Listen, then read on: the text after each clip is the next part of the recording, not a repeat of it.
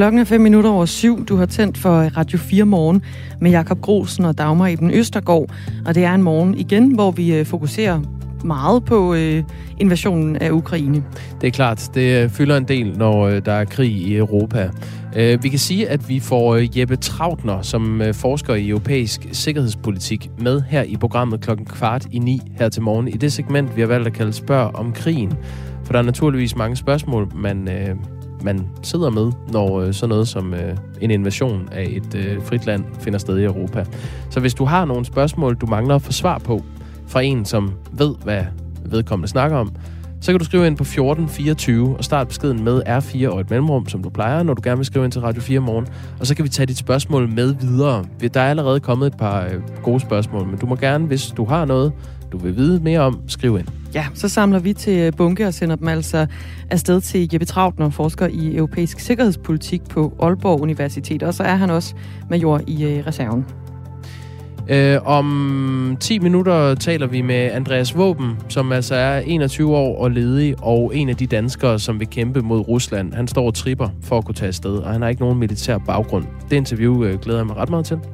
Ja, det bliver øh, spændende at høre overvejelserne i hvert fald. Vi talte jo øh, i den forrige time med øh, øh, formanden for Danske Veteraner, som altså fraråder det her på det kraftigste, og også en krise- og traumepsykolog, som også siger, det kan blive øh, svært at vende, vende helt tilbage, hvis man gør det. Spørgsmålet er også, om ukrainerne decideret mangler øh, soldater eller frivillige til at holde våben, eller om de mere mangler materiel og våben. Det er i hvert fald øh, det, meldingen øh, primært går på. Der er 80.000 ukrainere, der er, øh, der er vendt hjem ifølge Ukraine. Ja. Altså hjem til Ukraine for at kæmpe mod Rusland. Ja, det er Indrigsministeriet, som øh, henviser til tal fra den statslige grænsevagt. Og de siger i øvrigt, øh, på Telegram ifølge The Kiev Independent. Vi er stolte af vores landsmænd. Grænsemyndigheden øh, siger, at det er langt de fleste borgere, som er øh, vendt tilbage til Ukraine, er vendt tilbage siden den 24. februar, altså i torsdags, hvor invasionen begyndte tidligt om morgenen. Det seneste nye i øh, sådan relateret til konflikten er et telegram, der er kommet ind for tre minutter siden, som handler om, at Google nu fjerner russiske statsmedier fra deres App Store i øh, EU. Og det gælder altså de to russiske statsejede propagandamedier, RT og Sputnik, som bliver fjernet fra App Store. Øh, den hedder Google Play, og det, det sker i, altså i hele EU. Det er noget, øh, nyhedsbådet Reuters øh, skriver her til morgen. Og det betyder altså, at man ikke længere kan hente øh, RT's eller Sputniks apps til sin Android-telefon via de officielle kanaler, hvis man øh, skulle have hang til at høre, hvad de har at sige. Og i førnævnte avis Kiev Independent, de melder også nu om øh, russiske luftangreb i den ukrainske hovedstad Kiev. I byerne Tjernihiv og Sumi, der bliver der også advaret om luftangreb. Tjernihiv ligger cirka 120 km nord for Kiev, og Sumi ligger cirka 30 km vest for øh, den russiske grænse. Så vidt seneste nyt. Vi forsøger at øh, holde dig opdateret hele morgenen igennem med, hvad der ruller ind af nyheder.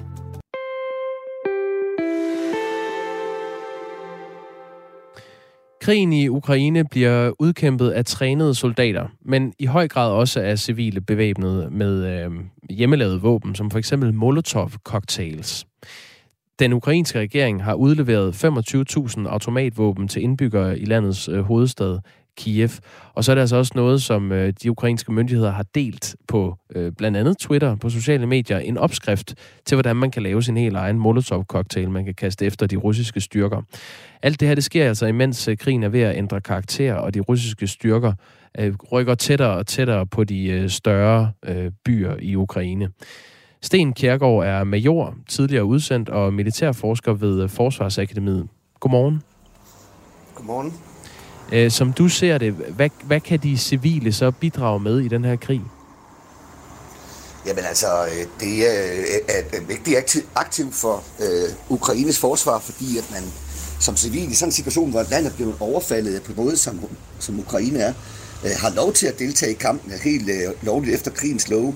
Øh, så derfor så når de får fat i nogle af de øh, våben, der nu er blevet tilfludt øh, Ukraine, eller man bruger Molotov-cocktails, øh, eller man på anden måde bidrager til kampen, jamen, så er man jo i virkeligheden at udgøre som en, en soldat.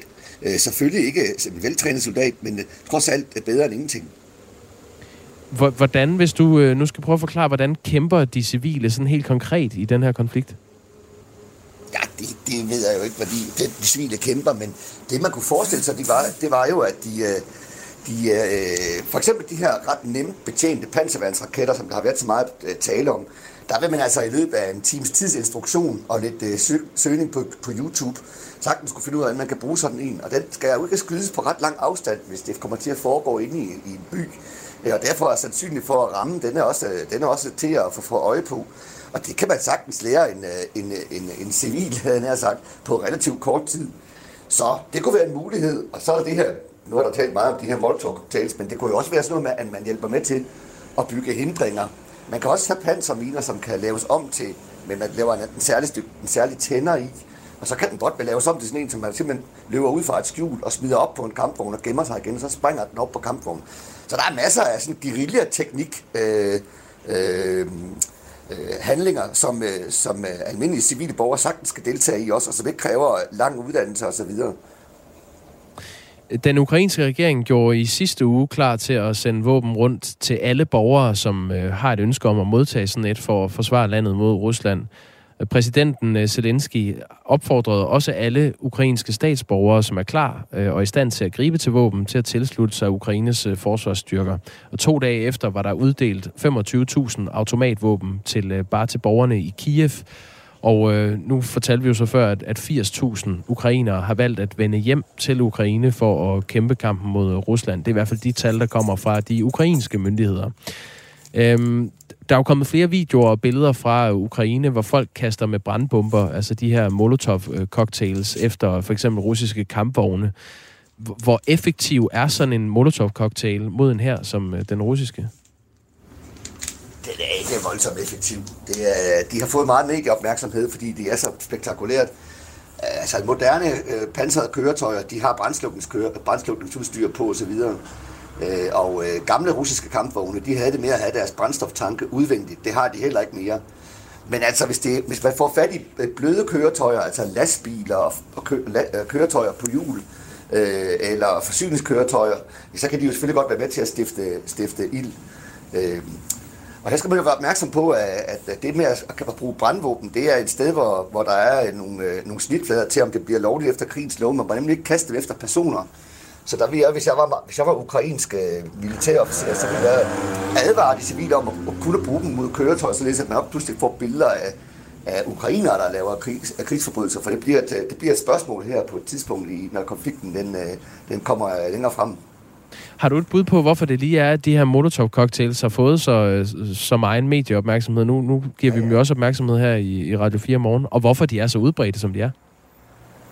Jamen, de er udbredt, fordi de er utrolig nemme at lave. Det kræver en flaske og en, og en klud og noget brændstof og noget dieselolie. Øh, så det er jo utrolig nemt at lave. Øh, så er det jo øh, altså ret spektakulært. Det er gået hen nærmest at blive sådan lidt symbolet på øh, den her underliggende øh, befolkning, der nærmest øh, kæmper nu mod den russiske her. Det, jeg tror, Putin troede, at han skulle kæmpe mod det, russiske, det ukrainske militær. Nu viser det sig, at han nok skal til at kæmpe med hele befolkningen. Så det er også, jeg tror, meget symbolværdi i, i, i den underlegenhed, men så den står det forsvarsvilje, som der vises der. Men den militære værdi er til at få øje på, øh, alt andet lige, øh, overfor et, øh, et, et russisk militær. Øh, Sten Kjærgaard, altså major, tidligere udsendt og militær forsker ved, øh, ved Forsvarsakademiet. Øh, du får lige et, øh, et spørgsmål fra Kurt med ud af døren her, Sten Kjærgaard. Han skriver, hej, øh, når vores regering sender våben, får man så ikke bare flere civile dræbt? Øh, det, altså, det tror jeg ikke, man kan sætte. Man kan sætte en direkte sammenligning mellem, at et våben er lige med en civil dræbt. Altså, for det første er det jo ikke våben, der dræber folk. Det er jo måden, de bliver brugt på. Øh, og, øh, og de våben, som Danmark har sendt, øh, er jo panserværnsraketter, øh, og de har ikke nogen virkning mod civile. Dem bruger man jo mod pansrede køretøjer, så, så det vil jeg tro, at hvis de bliver brugt rigtigt, og de bliver rettet mod det, den type mål, som de er beregnet til, så har det ikke nogen øh, sammenhæng til antallet af civile dræbte. Og sådan en pan- panserværnsraket er, er relativt nem at, øh, at lære at betjene, er det ikke sådan? Jo, altså det er ikke noget, der er... Det, det, øh, øh, det, det, kan man jo godt, hvis man har får en rigtig instruktion, og man kan jo lære meget på YouTube i dag. Øh, og særligt hvis ikke de skal skydes på lang afstand, og de ikke skal kæmpes med i mørke, men de måske skal kæmpes med, hvor man står i en kælerskagt, og ligger op på et loft, eller på et tag, og skal skyde ned på en gade, så vil jeg, så vil jeg mene, at man godt kan få, øh, ret hurtigt kan få, kan få folk til at, at lære at bruge det, men det er da klart, at det øh, danske soldater, for eksempel, de lærer uddannelse til panservandsraketter, så skyder de utrolig mange øveskud med, øh, med sådan nogle lyssporspatroner for at øve sig på det. Men, øh, men nu er der jo krig og, øh, i Ukraine, og, øh, og jeg vil tro, at man godt kan få, øh, få dem til at blive anvendt på en måde, som det kan give noget militær effekt. Tak for vurderingen, Sten Kjærgaard. Selv tak. Major, tidligere udsendt og militær forsker ved Forsvarsakademiet. Man må virkelig ikke håbe, at de unge danske mænd, der drager i krig, har deres opfattelse af en væbnet konflikt fra Counter-Strike og andre computerspil. For en uprøvet 21-årig uden militær baggrund kan der både blive dræbt eller for evigt traumatiseret i Ukraine, skriver Jens. Ukraines våben er to generationer ældre end russernes, så de er ikke så svære at betjene. Skriver Tommy og skriver held og lykke til alle. Øh, Lars skriver, det er helt fint, at man tager frivilligt til Ukraine og slås, men så skal de ikke komme tilbage og sige, at de har fået PTSD og forventer at få hovedbehandling. Øh, øh, krig er ikke for sjov, og man bliver skadet for livet eller mister øh, ens ret til det. Om ikke andet, så er der altså lige nu flere danskere på vej til Ukraine for at melde sig til fremmedlegionen dernede og kæmpe side om side mod Rusland. En af dem, det er danske Christian, som altså er taget afsted. Nu har jeg jo skrevet min sidste vilje og alt det her jo, altså, så jeg tager dig ned med, jeg har, jeg har kysset en dansk jord farvel, altså, hvis det er sidste gang, jeg ser Danmark og dem derhjemme, så er det fordi, der er mening med det. Ikke fordi man skal lyde, man kan lyde lidt radikaliseret, når man siger det, men Ja, og nu kaldte jeg ham Christian, men det skal siges, at det altså ikke er hans rigtige navn. Han vil gerne holde sin rigtige identitet hemmelig for offentligheden, så derfor så kalder vi ham Christian her i Radio 4 morgen. Udover Christian, så er øh, også danske Mads og nogle dansk-ukrainske mænd taget afsted, og de vil altså kæmpe mod Rusland i Ukraine. Dem har den danske journalist Emil Jørgensen fra Avisen Danmark kørt det sammen med det sidste døgn på vej mod den polsk-ukrainske grænse. Jeg har helt præcis tilbragt øh, noget, der ligner et døgn sammen med Christian og de andre ukrainere, og også Mads, øh, en anden dansker, der er med på den her tur. Og øh, jeg lyder måske lidt mut lige nu, og det er fordi, at øh, det er ikke mere end en halv times tid siden, jeg har set Christian og Mads og Alexandra øh, gå over grænsen til Ukraine øh, efter en lang rejse fyldt med rigtig, rigtig mange tanker og rigtig meget tvivl. Øh, jeg har siddet blandt andet i 5-6 timer med Mads i dag og hørt ham fortælle om, hvordan han dybest set er redselslagen for det, han er på vej ud i. Men nu er de gået over grænsen, og de er gået ind i Ukraine for at melde sig i fremmede legioner. Ja, og han fortæller her, hvordan det foregik helt præcis, da de to danskere og i dansk-ukrainerne krydsede grænsen til Ukraine for at melde sig til at kæmpe i krigen.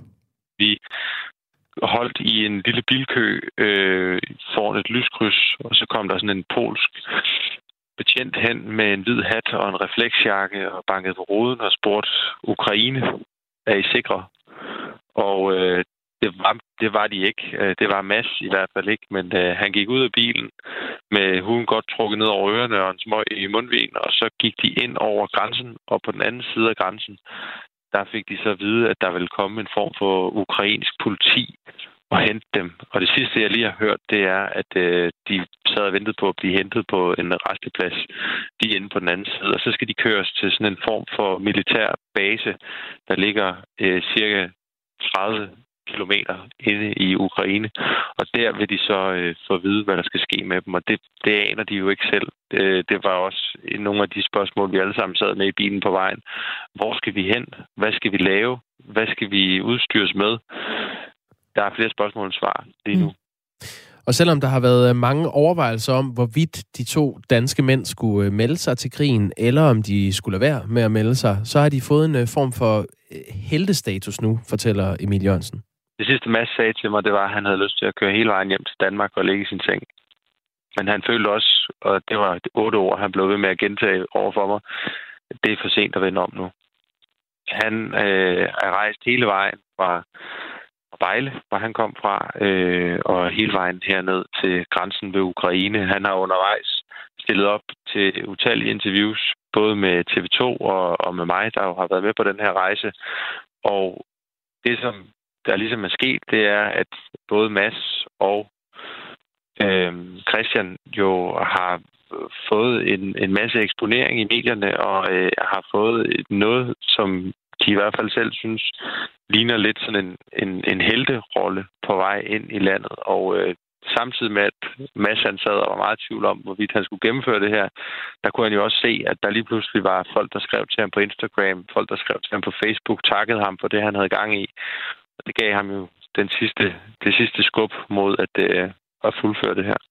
Det fortæller øh, Avisen Danmarks journalist Emil Jørgensen, som øh, er rejst til grænsen til Ukraine med øh, de her både danske mænd og den her lille gruppe af ukrainske statsborgere, som alle sammen vil øh, kæmpe på ukrainsk side mod Rusland i den her krig. Og det har også påvirket Emil Jørgensen selv at se de, øh, særligt de danske mænd gå ind over grænsen for at melde sig til Ukraines fremmedlegion.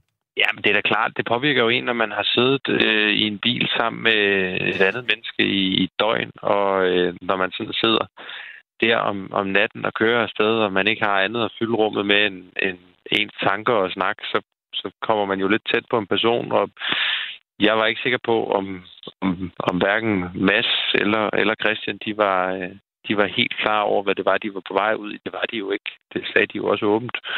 Men de har valgt at gøre det, og det må man jo tage hatten af for. Alt ære og respekt for det. Øhm, men, men ja, det, det, er da, det er da en mærkelig følelse at se, se nogen, som... Det er ikke, fordi man kender dem andet end i et døgn, men, men se nogen bevæge sig ind over en grænse og gå ind i en krig, som øh, måske de ikke kommer tilbage fra igen. Og en af dem, der øh, tager afsted mod Ukraine, det er Svend. Det er ikke hans rigtige navn, men han ønsker altså at øh, være anonym. Han har været hjemmeværnet, men har øh, ellers i øvrigt ingen militær erfaring. Godmorgen, Svend. Godmorgen. Du er 55 år og øh, vil altså gerne afsted mod Ukraine nu for at kæmpe. Hvorfor vil du gerne ja. det? Jamen, det er for at øh, hjælpe de ukrainske soldater dernede. For det er det, jeg synes simpelthen ikke, at øh, det er i orden, det ham Putin, han er i gang med. med. Hvis han kan gøre det dernede, så kan han også gøre det de andre steder. Så hvad mener du, du kan bidrage med? Jamen, det ved jeg ikke. Øhm, jamen, jeg ved ikke min støtte i hvert fald. Jeg vil bare støtte dem. Det, det, det er det, der er hovedsagen. Mm. Hvor længe har du... Øh, altså nu, invasionen startede jo i torsdags. Hvor længe har du ja. gået med de her tanker, og hvornår og hvordan træffede du beslutningen? Jamen, jeg har jo... Nu har jeg jo fulgt med i medier og alt sådan noget der. Jeg har helt tiden sagt, at det vil ende galt, det der. Og det gjorde det så også jo, og så var det, jeg tænkte, hvis først går helt galt dernede, så vil jeg tage afsted. Og du... det har jeg gået, det har jeg gået og tænkt på lige Ja, og nu mener du altså, at det er gået helt galt dernede, så derfor ja, drager du afsted? Ja, så, så hvad, når du kommer øh, derned, du har jo været i hjemmeværnet, ved vi, øh, ja. men har ellers ingen militær erfaring derudover. Så, så, så hvad, kan du, øh, hvad kan du gøre som jamen, civil, når du dukker op i, i Ukraine for at kæmpe? Jamen, jeg kan gøre, hvis jeg... Nu har jeg jo lidt, haft lidt med våben at gøre, jo, og alt sådan noget. Det er jo også, hvis der kommer nogen, der slet ikke har prøvet noget som helst, så kan jeg jo hjælpe nogle af dem jo på den måde også jo. Svend, er det, er det fuldstændig øh, definitivt, at du kommer til at tage afsted? Ja, det er det. Hvornår? Mandag. På mandag? Ja. Og hvad er det, nu, nu sagde du før, at du vidste ikke rigtigt, hvad du kunne bidrage med, andet end at støtte dem. Altså, hvad, hvad forestiller du dig, at du kommer til at, at skulle? Jamen, jeg forestiller jo mig nok, at jeg skal ned og så kæmpe lidt sammen med side om side med de ukrainske soldater. Taler du russisk? Nej, jeg snakker engelsk. Øh, og, lidt, og lidt tysk. ja, vi, vi hørte tidligere på morgenen fra en øh, øh, landsformand for Danmarks Veteraner, som, som selv har været i forsvaret i 40 år og har været udsendt øh, fire gange. Og han, ja. han fraråder det kraftigt, altså at man som civil dansker tager afsted. Øh, ja, og der er blandt andet ja. også en sprogbarriere der. Ja, men jeg har, godt hørt, Ja, men jeg har godt hørt det. Jeg så også noget fjernsyn i går med en, der har været sendt til sted. Jamen, det ved jeg ikke. Jeg tror sagtens, det kunne lade sig gøre, jo, fordi der er jo mange, der snakker engelsk. Det dag. jo, det er jo næsten et modersprog over hele verden. Jo, godt, så det tror jeg ikke, det bliver noget problem. Skal vi lige prøve at høre, hvad øh, Niels Hartvig Andersen, altså øh, landsformanden for Danmarks øh, veteraner, øh, sagde om det her med, at, at danskere uden militær baggrund tager til Ukraine for at kæmpe mod Rusland. Han sagde sådan her. Før man beslutter sig for det her, som kan være livsændrende for, for både en selv og for, for sin familie, så skal man i hvert fald, når man nu er inde og skrive sig på ambassaden, så skal man også lige skrive sig på øh, Udenrigsministeriets øh, dansk liste, og så skal man få talt med sin familie og sit bagland og, og forklare, hvorfor man nu tager afsted. Og ja, der er nok ikke stor forståelse fra baglandet, men det er jo så op til den enkelte. Så skal man skrive testamente, og så skal man undersøge sine forsikringsforhold, fordi man skal lave en særlig forsikring, hvis man vil forsikres mod for eksempel at blive øh, invalideret. Øh, og så skal man jo må finde øh, noget udrustning, øh, tage med ned, som ikke står og bliver en, øh, en, en, hvad hedder det, en, en ulempe for det ukrainske system, at man står og siger, at jeg vil gerne kæmpe, men jeg, jeg står altså i badebukser, øh, og det er koldt og så videre og så videre. Og så skal man altså sørge for at blive registreret ved det øh, ukrainske forsvar og blive afmærket som som øh, kombatant, og for hvis man ikke gør det, så er man øh, hvad hedder, lovligt mål for, øh, for fjenden, øh, da man ikke er dækket af nogle øh, konventioner. Det siger landsformanden for, for Danmarks veteraner til Radio 4 morgen, altså Nils Hartvig Andersen. Øh, Svend, du er anonym her, men vi kalder dig altså Svend, og du har besluttet dig for at drage mod Ukraine for at, øh, at kæmpe. Du er 55 år gammel. Alle de her øh, ting, som Nils Hartvig Andersen han her lister op, er det noget, du har forberedt dig på? Jamen, jeg har testamentet. Det har jeg lavet. Det er mange år siden, jeg har lavet det. Og øh, ja, men jeg har så ikke lige snakket med mit bagland endnu. Men det kommer jeg også til. Hvordan tror du, de kommer til at tage imod det? Jamen, jeg ved det ikke. Det er det, jeg kan ikke svare dig på det, for jeg ved det virkelig ikke. Er der noget, de kan sige til dig, som kan få dig til at ændre mening om at tage afsted? Ja, det ved jeg sgu ikke. Jeg, jeg, jeg, det, det har jeg ikke taget stilling til endnu. Det tror jeg ikke. Jamen, jeg, jeg tror det ikke, for det, nu har jeg sat mig det i hovedet, jeg vil stadig godt, så, så det tror jeg ikke, der er. og, og hvem, hvem er dit bagland, Svend, skal vi lige prøve at forstå her? Er det øh, familie, børn? Ja, ja, ja. Ja. Hvor mange børn har du? Jeg har tre. Hvad tror du, de siger til, når du kommer og, og fortæller dem, at på mandag tager du til Ukraine for at kæmpe? Ja, men de bliver jo nok ked af det. De vil nok sige, du er en gammel original, siger de.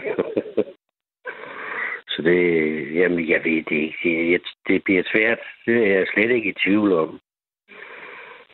Vi har også øh, talt med Mustika Semiyani, som er øh, psykolog, øh, klinisk psykolog. Hun har også været udsendt til, til flere krigszoner. Og ifølge hende, så kan det altså have ret mange konsekvenser, når man går i krig, jo også efterfølgende, når man kommer hjem man udsætter jo sig selv for et ekstremt psykisk belastning, øhm, som, som gør, at ens nervesystem er i konstant beredskab. Øhm, og det er simpelthen vores, vores, øh, vores hele psykiske system er ikke gearet til at være øh, mm, kun i, måske i korte perioder. Så hvis de fortsætter, øh, og man, man har det der voldsomme oplevelser i form af døde billeder af døde og udlæggelse, øh, det medfører selvfølgelig traumareaktioner, og i nogle tilfælde øh, måske øh, PTSD, når man, når man kommer tilbage. Svend, har du overvejet de konsekvenser, det kan have, øh, hvis du kommer tilbage til Danmark igen? Nej. Svend, øh, når vi taler med dig, så er der ret mange ting, du ikke, du ikke har overvejet. Hvordan, hvordan kan det være, at det ikke er mere gennemtænkt, at du vil til Ukraine? Jamen, det, det, nu har jeg bare fulgt med så længe og sådan noget. Jeg synes bare, jamen, jeg har, jeg har gennemtænkt de ting, jeg har. Jeg ved, jeg har min forsikring i orden. Jeg har min øh, testamente i orden. Og jeg, det eneste, jeg mangler, det er jo bare at få snakket med mit bagland, ikke også? Så, så synes jeg, det er det, der skal til. Og så vil jeg bare hjælpe dem dernede. Det er det. Er det. Jeg har simpelthen låst fast på det, for det, det han gør nu, det er bare simpelthen ikke i orden for det. Når han kan gøre det dernede, hvad så med de andre lande, der ligger lige op til? I hvert fald, så skal du øh, passe godt på dig selv, når du tager afsted, Svend, og tak fordi du var med her i Radio 4 morgen. Det skal jeg nok gøre, og tak for det. Klokken er halv otte, der er nyheder.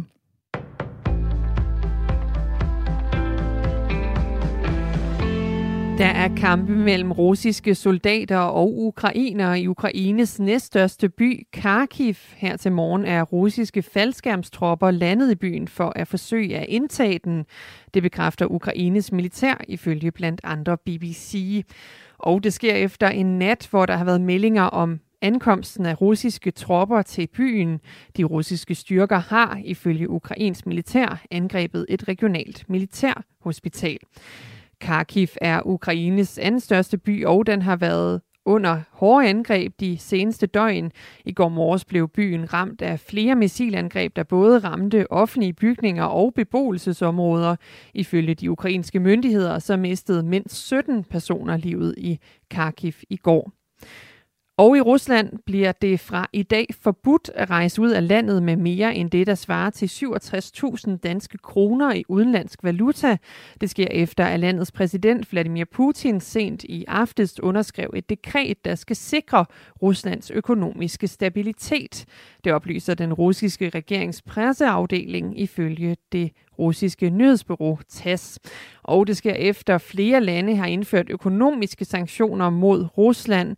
Sanktionerne skal blandt andet forhindre landet i at få fat i internationale valuta, som eksempelvis den amerikanske dollar, der benyttes i mange internationale handler. Ukraine var højt på dagsordenen, da USA's præsident Joe Biden i nat dansk tid holdt sin første State of the Union-tale. Her fortalte præsidenten blandt andet, at USA nu lukker sit luftrum for russiske fly, ligesom EU og Kanada også har gjort. Og Joe Biden slog fast, at Rusland vil mærke konsekvenserne af landets invasion af Ukraine, siger Anne Alling, der er journalist i USA. Biden han slog rigtig hårdt an til at starte med mod øh, Putin, sagde, at friheden vil vinde over tyrannien, og han sagde, at det kan, kommer til at tage lang tid, men altså, at Vesten vil ramme Putin rigtig hårdt. Han siger, at USA vil fortsætte med hårde sanktioner mod Rusland og mod landets præsident, Vladimir Putin. Både de vil ramme det russiske samfund, men altså også langt hårdt ud efter russiske oligarker. Øh, Biden sagde, at øh, USA sammen med EU vil gå efter altså de rige russere og tage deres jagt og deres luksuslejligheder og deres privatfly fra dem. Ifølge det amerikanske transportministerium så træder forbuddet mod russiske fly i amerikansk luftrum i kraft inden udgangen af i dag. Det skriver nyhedsbyrået Reuters. Forbuddet omfatter både privatfly, passagerfly og fragtfly. Et politisk flertal er åbne for at skrue op for antallet af værnepligtige i Danmark, det skriver Berlinske. Danmark står i en ny sikkerhedspolitisk situation efter Ruslands invasion af Ukraine, mener forsvarsordfører Mogens Jensen fra Socialdemokratiet. Det betyder, at vi skal have styrket forsvaret, og det kan selvfølgelig også betyde, at vi skal have flere værnepligtige, siger han til Berlinske. Også Venstre og Nye Borgerlige ønsker at øge antallet af værnepligtige, og dermed så er der altså et politisk flertal for at se på antallet af værnepligtige. Ingen af partierne sætter noget tal på, hvor mange værnepligtige de mener, der bør være årligt. Først på dagen bliver det tåget, og der kommer også rimtåge, men i løbet af eftermiddagen, der klarer det op med lidt eller nogen sol de fleste steder. Temperatur op mellem 4 og 8 graders varme, og så en svag til jævn nordlig vind. Der er også risiko for pletvis rimglatte veje her til morgen. I aften og i nat igen tåge eller rimtåge flere steder, og temperatur ned mellem 5 graders frost og frysepunktet. Det var nyhederne her på Radio 4.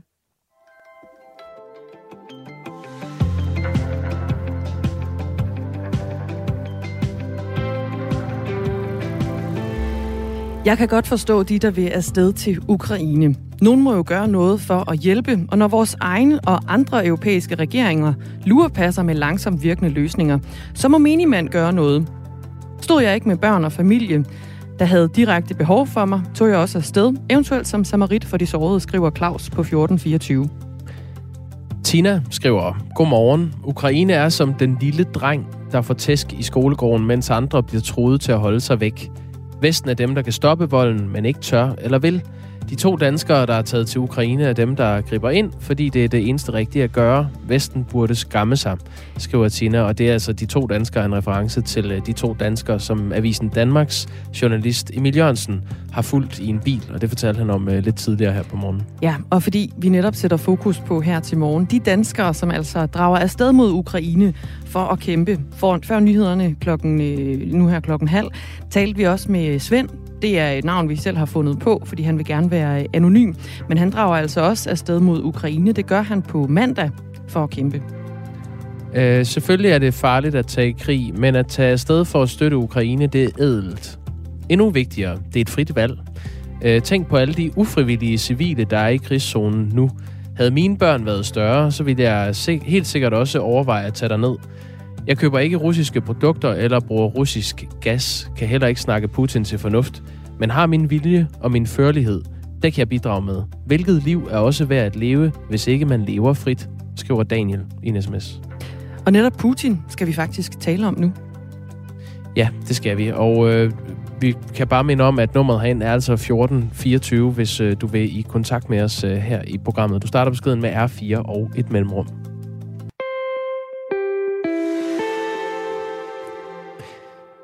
Med krigen i Ukraine er Vladimir Putin i gang med at satse alt på at opnå sin hedeste drøm om et øh, russisk imperium, som kan måle sig med det tidligere Sovjetunionen. Men denne gang er noget anderledes. De seneste tv-transmitterede taler og øh, møder med Vladimir Putin ser nemlig, viser nemlig en mand, som øh, ser ud til at være under et stort pres. Det mener du, øh, Samuel Raklen. Velkommen i studiet. Ja, det er jo et pres, han har bragt sig selv øh, ind i, øh, og øh, han er jo kendt for at være en mand med stålnerver, så formentlig har han selv regnet med, at det var en situation og en byrde, han kunne bære. Mm. Og du er kendt som øh, mangeårig udlandskorrespondent i øh, Moskva, øh, med et indgående kendskab til, øh, til Rusland og den russiske befolkning, og du er også forfatter til den her bog om Vladimir Putin, der hedder Jeg, Putin. Øh, hvordan kan du se, at Putin er presset? Jamen, hvis man har fulgt øh, Putin i mange år, så har man jo set en øh, udvikling fra en mand, der sprang ud øh, helt anonym for 22 år siden, og kom ind øh, ude fra kulden. Ingen kendte ham. Han var en tidligere KGB-agent, så i sagens natur var det ikke en person, man øh, offentligheden kendte ret meget til. Men efterhånden, som han fik fat om magten, så øh, så man hans karakter og hans greb om... Øh, øh, magten og hans måde at gebærde sig på i alle mulige situationer. Og fra at være en, øh, en, en lille bleg, sky person, øh, så er han blevet stadig mere... Øh, øh, har været mere og mere øh, tydelig i, både i sit sprog og i sit kropssprog, og ikke mindst i sine handlinger.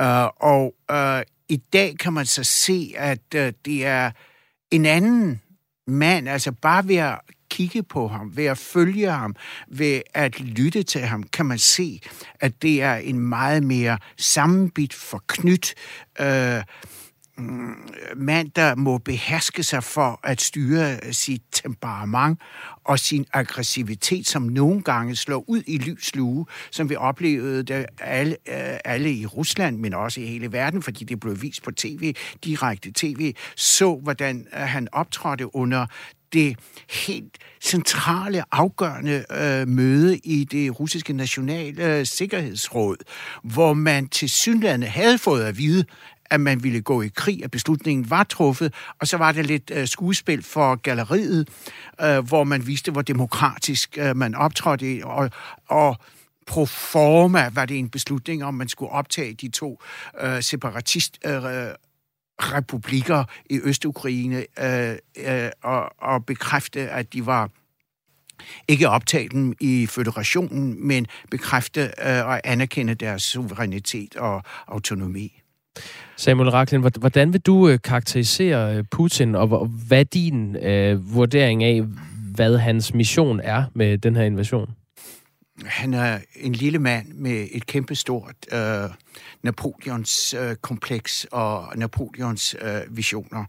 Og øh, hans mission og hans vision er at øh, gå ind i historien som den, der genoprettede øh, Ruslands storhed, genrejste Rusland øh, som et imperium, som han nærmest har lovet sin øh, befolkning, at det er det, han vil give dem tilbage, og ikke stå og ikke stå som en andenrangsnation, fornedret og ydmyget, som han og mange andre i hans generation har oplevet det efter den kolde krigs afslutning, efter Sovjetunionens øh, sammenbrud, hvor Sovjetunionen blev forvandlet til en forhudlet andenrangsnation. Det passede ikke ham. Og jeg må sige, Putin har aldrig lagt skjul på, hvad det var, han ville. Han lagde ud, altså endnu da han var den her forholdsvis unge, ukendte øh, politiske leder, kom han ud og sagde, at det han ville skabe var et stærkt Rusland. Og det har været målet fra begyndelsen, og det er det, han gerne vil skabe. Og et land, som øh, indtager sin plads i verdenseliten af stormagter, et land, der bliver respekteret, og får den respekt og ære, som efter hans og hans ligesindes mening tilkommer et land som Rusland, øh, som var en stormagt under den kolde krig. Mm. Og det er den vision, han har. Vi taler altså med øh, Samuel Raklin, som er øh, mangeårig øh, udlandskorrespondent, har opholdt sig længe i Moskva, og du har også et indgående kendskab til, til både den russiske kultur, befolkning, Rusland og så også øh, Putin. Øh, Samuel Raklin, er det her ønske om et russisk imperium og, og Putins drøm om at genrejse Sovjetunionen, er det noget, der vækker genklang hos den almindelige øh, russer? Det spiller op øh, til meget øh, stærke følelser og holdninger i den ældre del af befolkningen, altså i Putins generation, og dem, der er ældre, og dem, der husker hvad Sovjetunionen stod for. Dem, der voksede op under det sovjetiske imperium, og, og som følte sig stolte over at være borgere i en global stormagt. Øh, der kan være, øh, altså der er helt tydeligt øh, øh, en længsel efter, at Rusland igen bliver opfattet som en øh, beundret, øh, respekteret og ikke mindst frygtet stormagt. Jeg tror ikke, det samme er gældende for de yngre generationer. Dem, der er vokset op, øh, altså vi kan kalde dem Gorbachev-generationen. Øh, det er nogle helt andre, de er langt mere øh, demokratisk sindede, de er meget mere orienteret mod Vesten, de er vokset op med internettet og adgang til de frie informationskilder, som man i øvrigt nu ved at lukke ned her under krigen. Der har, Putin begyndte med at stramme grebet om alle de frie kritiske medier, men lige nu bliver der slået ned og lukket ned på nogle af de førende uafhængige medier, både øh, radiostationer og øh, mediebaserede, øh, hvad hedder det, webbaserede øh, tv-stationer. Mm. Øh, det er noget, der har påvirket og skabt en generation, der har helt andre øh, synspunkter og helt andre værdier end deres forældregeneration. Vi taler altså med Samuel Raklin, journalist og tidligere Ruslands korrespondent og også øh, forfatter. Vi har fået en øh, sms her, jeg lige vil øh, sende videre til dig, Samuel Raklin. Der er en, der øh, henviser til noget, du sagde tidligere i interviewet. Lille mand med Napoleons kompleks, er der en, der skriver, fordi det sagde du nemlig om øh, Putin. Og så spørger vedkommende, har du overhovedet øh, snakket med Putin? Det er Jon.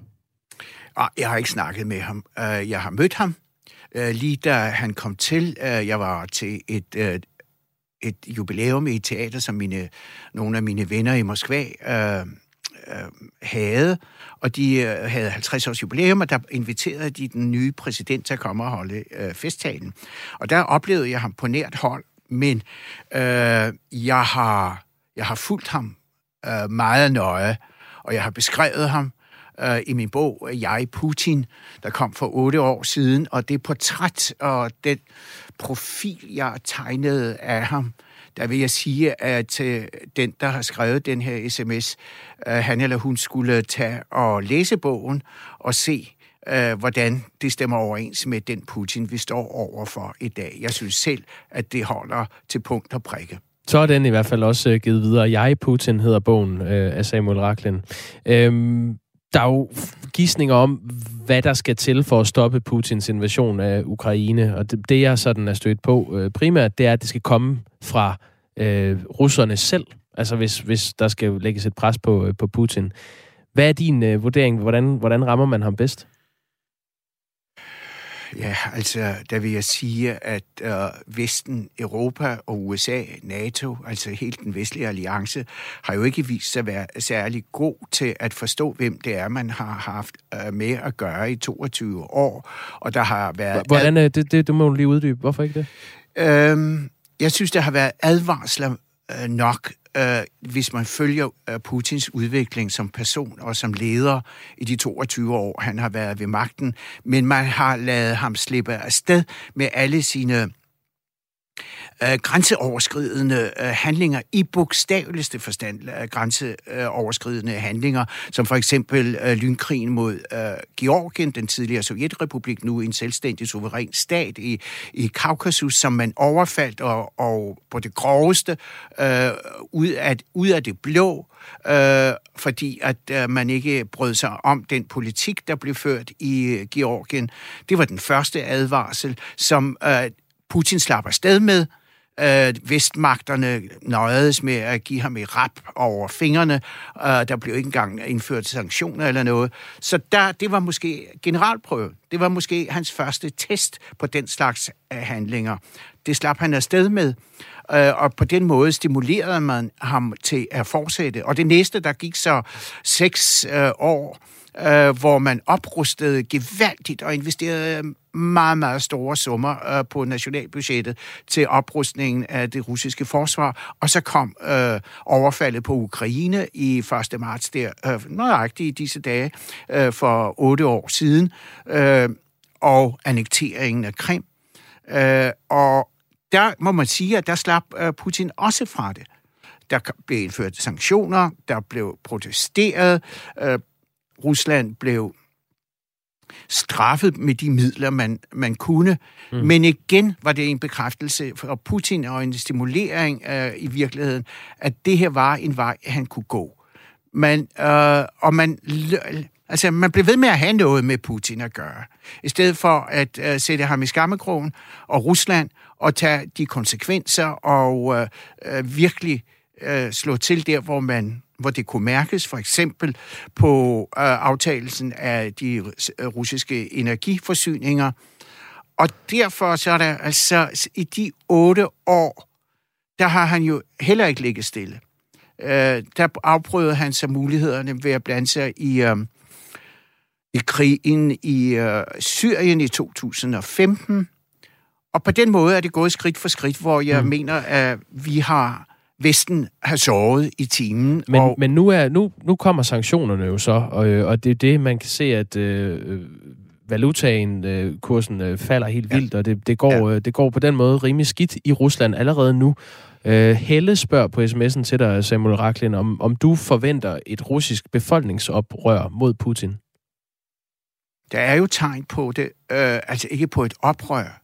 Oprør er der langt til, men der er tegn på protester. Og det i sig selv øh, er et opmuntrende tegn i betragtning af, øh, hvor hårdt der bliver slået ned øh, i de seneste år på alle former for kritik og demonstrationer og på, øh, aktioner mod Putins styre. Så det kræver en masse civilcourage og mod at overhovedet at gå ud på gaden og protestere. Det har vi set tegn på. Vi har også set at forskellige grupper i befolkningen, blandt intellektuelle, blandt kunstnere, der har sluttet sig sammen i store øh, i ganske store øh, antal øh, og skrevet under på protestskrivelser. Der er også nogen af endda nogle af oligarkerne, altså nogle af de store øh, milliardærer, øh, milliardærer øh, blandt de russiske forretningsfolk, som er hører til inderkredsen øh, mm. blandt Putin, der siger fra. Men det er, det er, der er lang vej af den. Øh, der kan også komme øh, Øh, der kan også komme øh, kunne man forestille sig, hvis det her fortsætter, og det går så dårligt, som det går nu i de første 5-6 dage øh, af, af krigen, hvor Putin til synligheden har forregnet sig, så kan der jo også være folk i, helt i toppen, i Kremls top, i inderkredsen fra øh, omkring øh, Putin, der begynder at sige fra, og måske sætter ham stolen for døren, eller, og det har man jo set før, øh, er sket i russisk historie, at de, at de laver et paladskup. Det er jo sådan set det bedste, man kunne håbe, fordi mm. jeg tror, at vores muligheder på det her tidspunkt, hvor ånden, den onde ånd er sluppet ud, og Putin har startet en stor krig i Europa. Det er først den største og værste konflikt, øh, vores del af verden har oplevet i de sidste 80 år siden 2. verdenskrig. Det er jo sådan, at man tager sig til hovedet. Det er en katastrofe for Europa, og det er meget lidt, vi kan gøre, men vi støtter nu. Nu er vi kommet ud og støtter Ukraine aktivt. Selvfølgelig er der ikke nogen, er ikke nogen ikke noget NATO-land, der kan gå ind og blande sig, for det betyder verdenskrig. Samuel Raklin er journalist, tidligere Ruslands korrespondent og forfatter. Tak for øh, udlægningen. Selv tak. Med os fra øh, vores studie i København. Klokken er 10 minutter i 8, og øh, sms'en er altså åben 1424. Start beskeden med R4. Skilsmissen på Radio 4. Far kan en mor og en far godt være kærester. Fuck, mand, ikke? Altså... Hvert andet ægteskab i Danmark går i stykker. Og hvem er man bagefter? Vi taler med 10 kendte danskere om ensomhed, splittede venskaber og om at tage børnene med i faldet. Skiftedag, det er noget fanden har skabt. Find Skilsmissen som podcast og søndag kl. 11.05 her på Radio 4. Det var det helvede for mig. Radio 4 taler med Danmark. 9 minutter i 8. Danmark bør på kort sigt vende det blinde øje til vores klimaambitioner og mål for grøn omstilling, for så i stedet at begrænse importen af russisk gas efter landets invasion af Ukraine. Sådan lyder det fra ordfører fra både Venstre og Dansk Folkeparti. Til Radio 4 fortæller Dansk Folkepartis forsvarsordfører og tidligere partiformand Christian Thulesen Dahl, at vi på kort sigt bør skrue op for brug af blandt andet fossile brændstoffer for at frigøre os fra afhængigheden af russisk gas. Der er ingen tvivl om, at øh, den grønne omstilling, den kommer, og den skal komme. Den øh, hjælper os på lidt længere sigt eller mellemlang sigt. Men når vi taler om afhængighed af Rusland i forhold til energiforsyning, så taler vi om, om her og nu, altså i dag og i morgen og i næste uge og om en måned.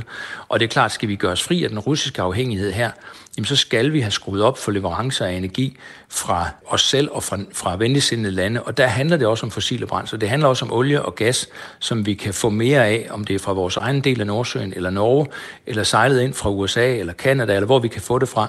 Men simpelthen lande, hvor man ikke har russisk gas, der så bare kommer ind via en mellemstation.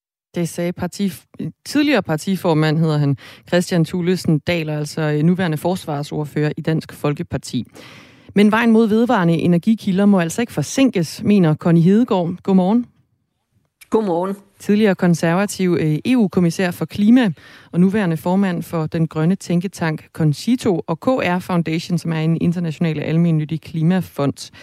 Hvorfor er du ikke enig i, at vi på kort sigt bør sætte vores klimaambitioner på pause for så at begrænse importen af russisk gas?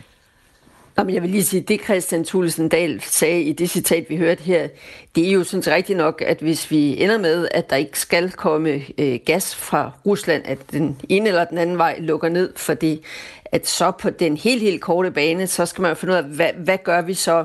Men udtalelserne i går fra forskellige partier var jo en lille smule anderledes. Det var ligesom, ej, nu må vi altså sætte det der klima på pause, fordi det er jo først i 2050, nu må vi fokusere på, på krigen. Og, og og det synspunkt er jeg uenig i. Ikke fordi jeg ikke godt, vældig godt forstår, at af fristelsen til at sige, at vi kan simpelthen ikke håndtere andet. Nu, nu, nu er det krig, det handler om, og det er jo rigtigt lige her og nu. Men det er jo bare sådan, at klimaudfordringen går ikke væk, fordi der kommer en pandemi, eller fordi der kommer en økonomisk krise, eller fordi der kommer en krig.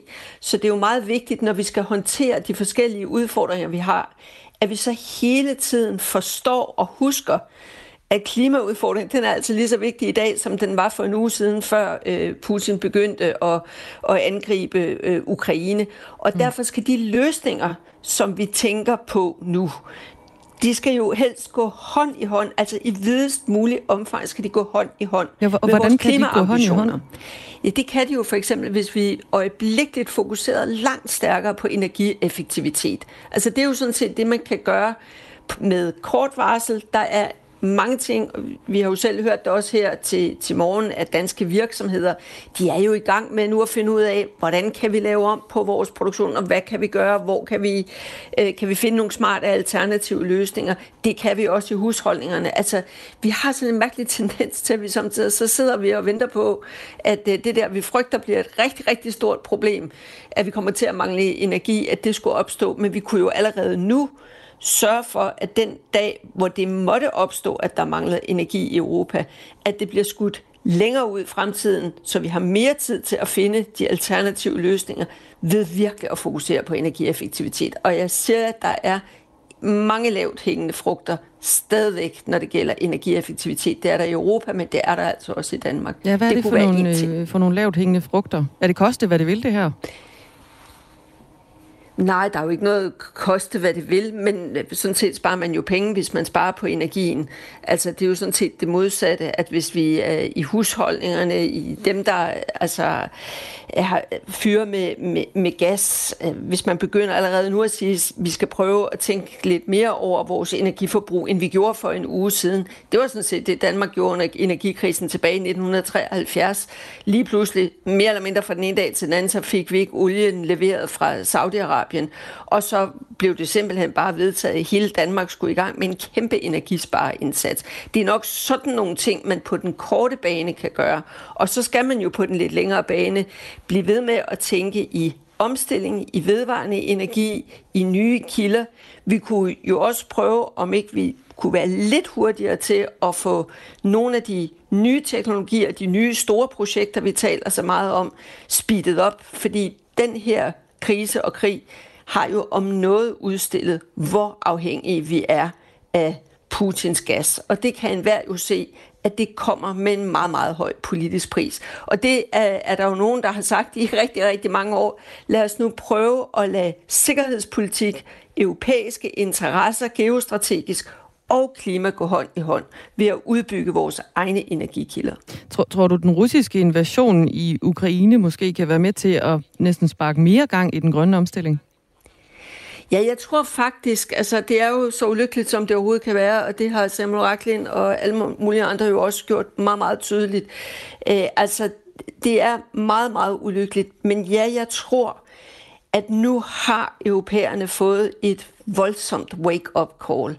Når ja, hver eneste gang, vi skal forholde os til, hvad stiller vi op med Putin? Hvilket svar giver vi til det, Putin gør? så er det jo til stede i det rum, hvor de beslutninger skal tages, hvilke sanktioner tør vi gå i gang med osv. Der er vores energiafhængighed til stede i rummet. For vi ved, at hvis vi gør noget meget drastisk, så rammer det os os selv.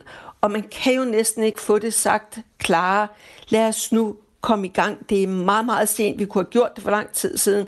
Men lad os nu komme i gang med at få bygget forbindelserne mellem, energiforbindelserne mellem landene i Europa. At få omstillet til vedvarende energikilder. Jeg tror da også, at tyskerne for eksempel må sidde og, og gentænke, om de nu også skal have lukket alle deres atomkraftværker her i 2022, som de ellers har besluttet. Øh, altså, der er nogen, der bliver nødt til ligesom at røre ved, ved nogle tabuer, og så er vi nødt til at handle lidt hurtigere. Altså vi har ikke 10, 15, 20 år til at få håndteret, hvad skal der komme i kølvand af den her konflikt. Og det tror jeg måske, at man grundet det, der er sket i Ukraine, mm. at det får man større folkelig opbakning til og forståelse for nu. Det er i hvert fald, hvad man kunne håbe. Du var også inde på det øh, helt i starten, Connie Hedegaard, altså at, at Danmark sådan set først skal i mål med vores klimaambitioner øh, til år 2050.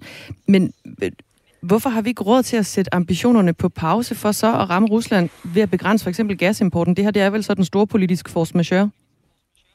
Ja, altså, jeg er 100% enig i, at vi skal se at få begrænset gasimporten.